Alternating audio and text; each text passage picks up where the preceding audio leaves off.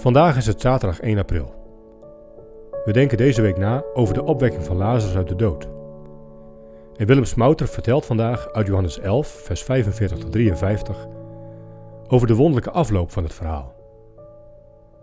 Lazarus is tot leven gewekt en Jezus moet sterven.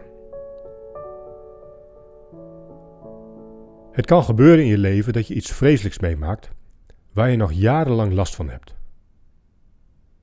En toch, jaren later zie je misschien dat die akelige ervaring ook iets heel moois heeft opgeleverd. Schade en schatten liggen namelijk soms dicht bij elkaar. En in geloof kun je dan zelf zeggen: Het lijkt toch of God er een bedoeling mee heeft gehad. Dat neemt dan de pijn niet weg, maar het werpt er net een ander licht op.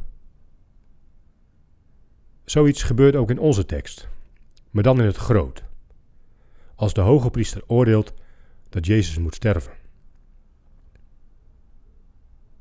Het gebeurde vlak nadat Jezus zijn vriend Lazarus had laten opstaan uit de dood.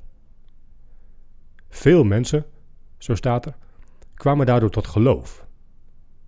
Maar er waren ook mensen die meteen naar de kliklijn belden, naar Meld Misdaad Anoniem, om te vertellen wat Jezus gedaan had: een dode opgewekt.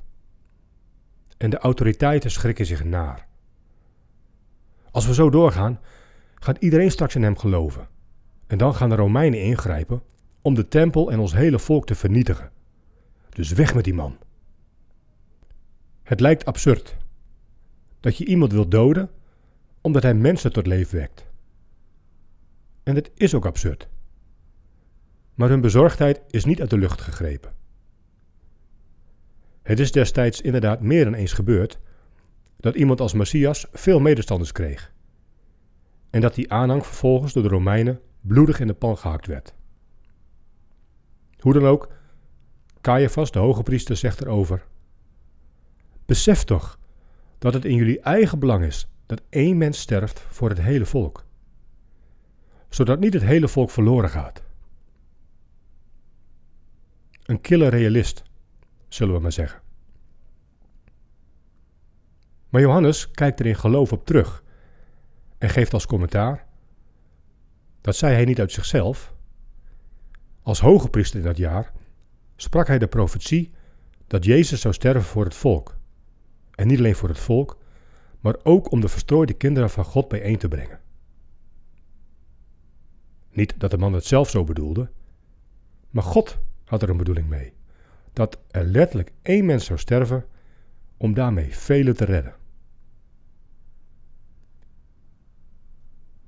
Bij de ingang van de Stille Week is dit iets om over na te denken. Je kunt het verhaal van Jezus lezen als het verhaal van een onbegrepen idealist, die door boosdoeners maar naar aan zijn einde is gekomen. En dat is ook zo. Tegelijk is het het verhaal waarin Gods redding voor het volk, ja voor alle kinderen van God, machtig wordt uitgevoerd. Genoeg te overdenken, lijkt me, voor een complete stille week.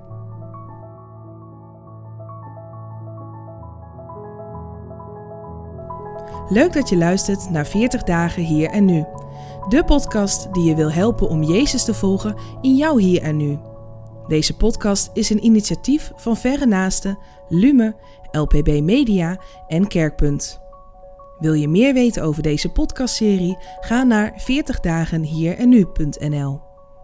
Voor de Bijbelteksten in deze podcast gebruiken we de MBV 21 van het Nederlands-Vlaams Bijbelgenootschap.